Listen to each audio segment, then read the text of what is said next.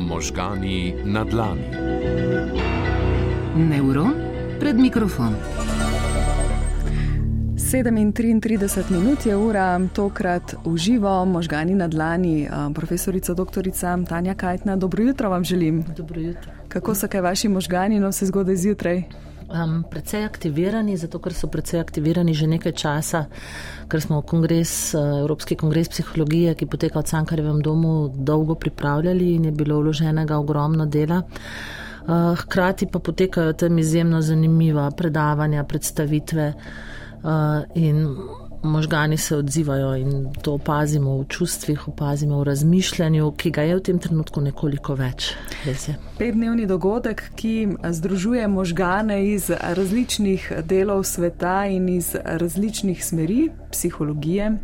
Tako je, imamo skoraj tisoč udeležencev z vsega sveta, čeprav je to 17. Evropski kongres psihologije se vedno udeležijo tudi eh, udeleženci iz eh, Združenih držav Amerike, iz Južne Amerike, iz Avstralije, eh, iz vzhodnega dela sveta, torej iz Azije.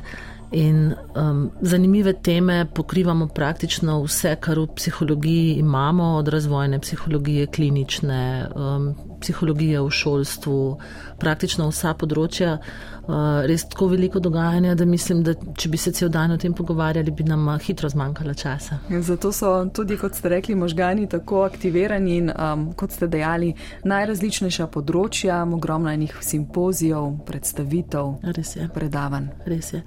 Um, imamo ogromno zanimivih um, povabljenih predavateljev, ki so se do sedaj ukvarjali z uh, organizacijo delovnega časa. Bilo je izjemno zanimivo predavanje profesorice Evangelije Demerovti z Univerze v Utrehtu, ki je govorila naprimer o tem, kako je potrebno organizirati svoj delovni čas, da ne izgorimo, da obdržimo ravnovesje med delovnim oziroma poklicnim in zasebnim življenjem. Potem smo imeli predavanje profesorja Steinebacha, ki je govoril o tem, kako je psihologija sploh umeščena v naše vsakdanje življenje, kje vse se pojavlja in kakšni so poklicni izzivi in možnosti psihologov. Um, danes imamo izjemno zanimivo predavanje o vlogi psihologa v olimpijskem in paralimpijskem športnem udejstvovanju. Um, vsa ta vabljena predavanja pokrivajo res širok spektr delovanja psihologije.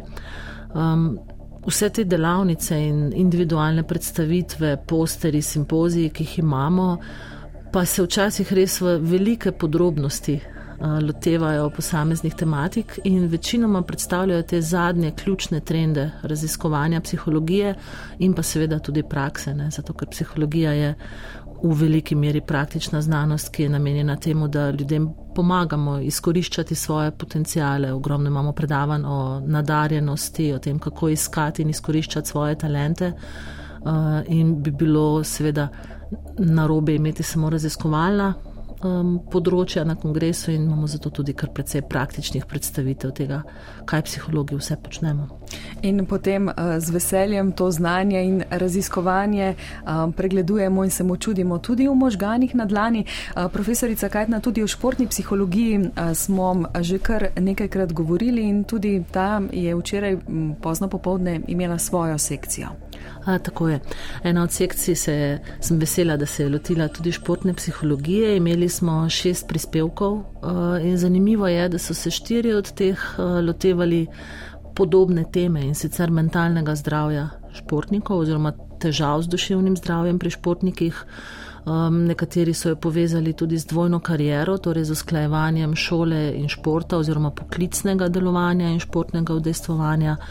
Uh, in ugotovitve so zelo zanimive in sicer, da se težave z duševnim zdravjem pri športnikih pojavljajo v precej podobnem deležu kot v splošni populaciji, kar bi pomenilo, da šport v resnici ni varovalni dejavnik, uh, ampak da zaradi vseh pritiskov, ki se v športu pojavljajo, ravno tako omogoča pojav oziroma včasih celo pojača uh, duševne težave oziroma težave z duševnim zdravjem.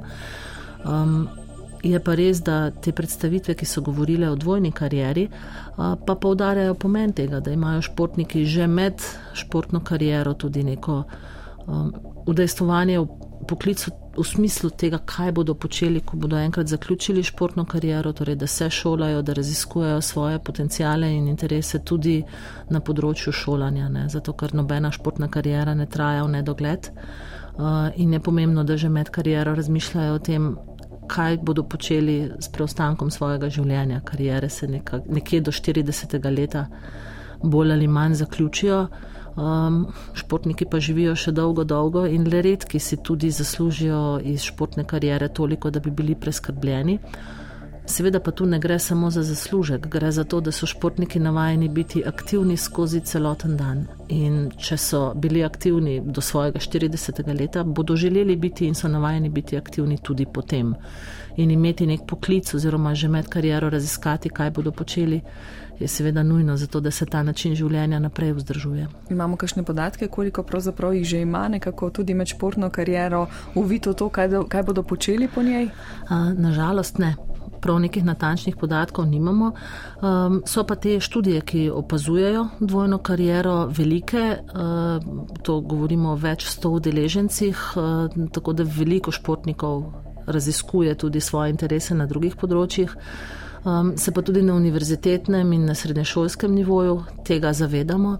Uh, tudi Olimpijski komitej Slovenije se tega zelo zaveda in spodbuja dvojno kariero. Um, Olimpijski komitej Slovenije ima celo certifikat športniku prijazno izobraževanje, uh, ki ga pridobijo srednje šole in uh, fakultete oziroma univerze, ki izkažejo, da športnikom omogočajo kvalitetno oziroma učinkovito združevanje športne in šolske karijere. Eh, in kar veliko šol in eh, fakultet in univerz je pridobilo to izobraževanje, kar po mojem mnenju nakazuje samo to, da se v tem področju šolskem izobraževalnem tega zavedamo in da poskušamo športnikom res omogočiti um, neko polno delovanje skozi celo življenje, ne da jih gledamo samo z te športne perspektive. Kaj ti tudi to je povezano verjetno z neko dobrobitjo in splošnim dobrim počutjem in tudi, kot ste rekli, duševnim, mentalnim zdravjem. Za možgane je to lahko, pa ne samo za možgane, za človeka kot takega velik šok, ne? če so svoj čas organizirani, imajo nek cilj, imajo neko motivacijo, delujejo, potem pa kar nič. Ja, seveda. Življenjski stil, ki se ga zgradi, gradimo nekako do odraslosti, je nekaj, kar bomo želeli um, vzdrževati skozi celotno življenje. Ne? Zato je za marsikoga upokojitev tako zelo težka, ker iz neke jasne rutine in uh, vsakodnevnega reda pravzaprav, čeprav je to morda včasih naporno, ampak red pa je, sistem je neka rutina, ki nam daje varnost, je pa prisotna. In potem, ko se pojavi upokojitev, seveda tega ni več in je to včasih šok. Um, tu športni, zaključku športne karijere, dosti krat rečemo športna upokojitev, ravno s tem razlogom. Oni so navajeni ritma, reda, vsakodnevnega treninga ob precej podobnih urah celo. Uh, in če se to zaključi in ne nadomestimo dejavnosti z nečim drugim, potem um, pride do čustvenih težav, do razmišljanja o tem, kaj je sploh zdaj moja vrednost, kdo sem, če nisem več športnik. Uh, in zato je pomembno, da razmišljamo o tem, kaj bomo počeli po športu. Uh, vsi, ki delujemo športniki, ne samo športniki sami, ne, tudi trenerji, tudi psihologi, kondicijski trenerji, starši športnikov, tudi vsi, ki smo pravzaprav spremstvo na nek način. In zakaj je za vas tako pomembno tudi vsa ta nova spoznanja na področju mentalnega zdravja in športa? Ja. Um, zato, ker človek je celostno bitje.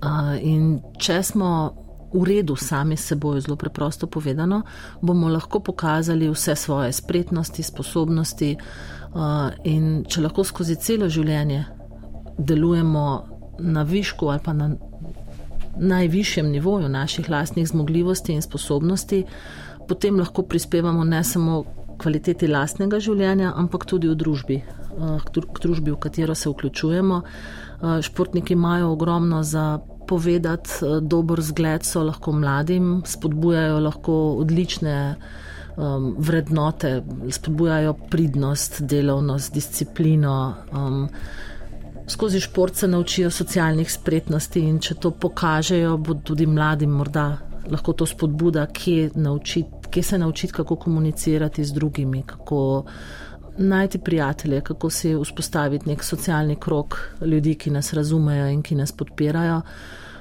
In spoznanja iz športa so zelo dobro prenosljiva v vsa ostala področja. Ne? Če govorimo o dvojni karieri, športniki skozi športno udejstvovanje razvijajo izjemne delovne navade in so potem lahko uspešni tudi na vseh ostalih področjih. Torej, če se lotijo morda poslovnega življenja ali pa karijere kot um, poročevalci, uh, recimo na, na televiziji ali pa na radijskih valovih. Eh, in šport je eno področje, ki je tako drobna refleksija življenja. In v njem najdemo praktično čisto vse vidike delovanja, ki se kjerkoli pojavljajo. In zato so spoznanja iz športne psihologije nekaj, kar lahko uporabimo na vseh ostalih področjih. Um, zdaj, recimo, če pa govorimo o možganih, ne, potem je pa seveda ukvarjanje s športno eh, dejavnostjo, eh, kar sta bili pa recimo drugi dve predstavitvi, sta bili pa v rekreativni dejavnosti oziroma v pomenu gibanja na splošno. Um, gibanje je, jaz bi želela, da bi bil umeščen v tej slavni maslovovi hierarhiji na prvi nivo med osnovne potrebe. Uh, psihologi skozi gibanje celo merimo mentalni razvoj v prvih nekaj letih življenja skozi mejnike, torej ali otroci v podobnem času kot njihovi vrstniki osvojijo nekatere spretnosti, znanja in tako naprej. Uh, in iz gibanja se vse začne. Bolj kot se gibamo, bolj širimo svoj spektr delovanja. Že majhen otrok, ko je sposoben doseči nek predmet in se z njim ukvarjati, on se nauči nečesa novega. Ne? In to gre vse skozi gibanje na začetku. Um, tudi govor, naprimer, je gibanje pač govornih organov in tako naprej. Uh, in šport, ki za večino ljudi, ki nismo profesionalni športniki ali pa ko se športniki enkrat nehajo ukvarjati z vrhunskim športom, pomeni pravzaprav um, čas za odklop, čas za razmislek, uh, čas za rekreiranje, torej ponovno ustvarjanje samega sebe na nek način. Uh, na fizičnem nivoju pa poskrbi tudi za dobro preskrbo telesa s, kisikov, s kisikom in potem tudi možganov s kisikom. Ne? Torej, skozi gibanje na nek način nahranimo možgane in zagotavljamo, da lahko potem v službenem okolju ali pa recimo na nivoju odnosov delujejo tako, kot bi morali, torej na najboljši možen način. In zato gibanje je nekaj, kar je neprecenljivo in recimo tole obdobje korone, ki se ga tudi na kongresu kar precej dotikamo, je pokazalo, da je bilo gibanja manj, um, na fakulteti za šport v projektu Slowfit merijo kolegi uh, gibalne zmogljivosti otrok in rezultati so, odkar se je korona začela, praktično alarmantni. Um, če so se otroci manj gibali, um, jaz mislim, da brez težav sklepamo, da so se manj gibali tudi starši. Ne? In če recimo možgani niso nahranjeni, če ni v njih kisika, če ne skrbimo za njihovo kondicijo na nek način, um, potem se ne moremo skoncentrirati, hitreje nam popustijo živci, če preprosto povemo, um, manjša samokontrola se pojavlja, um, težje se osredotočimo, težje rešujemo probleme. Um, manj razmišljamo, kar pomeni, da manj kompleksno razmišljamo, in gibanje je nekaj, kar bi morali skoraj da vsak od nas si na dnevni koledarček zastaviti, ne, ne samo na tedenski, ampak da bi si morali zagotoviti gibanje v vsakodnevnem življenju. Torej, številne priložnosti in odgovornosti, kot je tudi nekako tema oziroma uh, slogan uh, letošnjega Evropskega kongresa psihologov, ki Tako poteka je. v Ljubljani. Profesorica Kajtna, uh, samo v kakšni minuti še, torej, um, ker ste športna psihologinja in uh, imate vsakodnevno stik z motivacijo, kako se torej naše poslušalke in poslušalci za dobro jutro motivirajo, da gredo, da v dan vključijo tudi nekaj športa in rekreacije, če tudi je zelo vroče, če tudi so počitnice, če tudi je poletje in tako pa še počivati. Um, pa še počivati, ampak če bomo samo počivali, bomo na neki točki začeli pravzaprav izgubljati to kondicijo, izgubljati um, tudi voljo morda do gibanja, zato je že iz navade potrebno skrbeti za gibanje. Um, V vročini seveda bomo poskrbeli za to, da se bomo gibali ali bolj zgodaj zjutraj ali pa morda v kakšnih klimatiziranih prostorih uh, ali pa zvečer, ko se že nekoliko ohladi. Um, najprej moramo razumeti, zakaj je gibanje tako zelo pomembno in vsi, ki se ukvarjamo z gibanjem na en ali pa drug način, vse čas poudarjamo, kako je to pomembno, tako zaradi preskrbe s kisikom, kot tudi na koncu zaradi dobrega počutja, ki ga doživljamo ob gibanju. Recimo med gibanjem se sprožajo hormoni sreče oziroma endorfini, kot uh, s popularnim imenom uh, tudi hormoni sreče rečemo. Ti hormoni se pojavljajo takrat, ko se pojavlja bolečina oziroma utrujenost in se zaradi njih počutimo dobro na nek način. In ta zadovoljen občutek, ki ga doživljamo ob vadbi, je tudi nekaj, kar je lahko motivacija. Imamo naprimer naporen dan v službi, potem si pa zvečer privoščimo en tak resen sprehod skozi naprimer gost ali pa nekje po um, po morda malo bolj ohlajenih delih mesta, zagotovo, ko se bomo vrnili domov, se bomo počutili bolje. In že zaradi tega dobrega počutja je vredno si privoščiti te pol ure ali pa 45 minut sprehoda. Hvala lepa, ker ste nam privoščili nekaj minut v pogleda v športno psihologijo, izsledke, ki ste jim sledili oziroma so bili predstavljeni včeraj na športni sekciji. Lahko bi še govorili in govorili tudi o tem, kaj se bo dogajalo v prihodnih dnevih. Če samo v enem stavku nekako skušate povzeti, kaj bo prinesel četrtek? Uh, četrtek prinaša zanimiva predavanja, poleg športne psihologije, še o uh, vzgoji talentov oziroma skrbi za talente, uh, sekcije na vseh področjih in tudi nekaj delavnic. Predstavlja pa tudi odlično priložnost za povezovanje strokovnjakov in znanstvenikov in ta networking oziroma mreženje je en ključnih segmentov tega kongresa, zato ker bomo slovenski psihologi dobili priložnost, da spoznamo tuje psihologe in izvemo, kaj je pri njih med bolj pomembnimi uh, temami. Hkrati pa seveda je za nas to tudi potrditev, da vidimo, da se ukvarjamo uh, s temami, ki so sodobne in ki so zanimive. Zato, ker recimo na včerajšnji sekciji je bila um, slovenska predstavitev magistrice Borjane Kremžar Jovanovič na enako temo kot recimo uh, tema velike raziskovalne skupine iz uh, Univerze v Bruslju. Uh, tako da je to za nas na eni strani potrditev, na drugi strani pa tudi priložnost. Ker je vse skupaj tako relevantno in pomembno za vse nas, za posameznika in družbo, kot ste rekli, profesorica dr. Tanja Kajt nam danes malo drugače uživom, ker smo sredi bogatega za možgane izjemnega, lahko rečem, dogajanja. Hvala, da ste prišli. Uspešne dneve do konca vam in kolegom in seveda bodo zraven tudi možgani na dlani in zanimanjem pokukali v katerega izmed predavanj. Hvala lepa za povabilo. Uspešen dan tudi vam, spoštovani in spoštovani, poskrbite, da bodo možgani imeli dovolj gibanja. Mi pa bomo naslednji teden še govorili o gibanju in o tem, kaj se dogaja z gibanjem, ko ne gre vse tako, kot bi si želeli. Možgani na dlani. Neuron pred mikrofonom.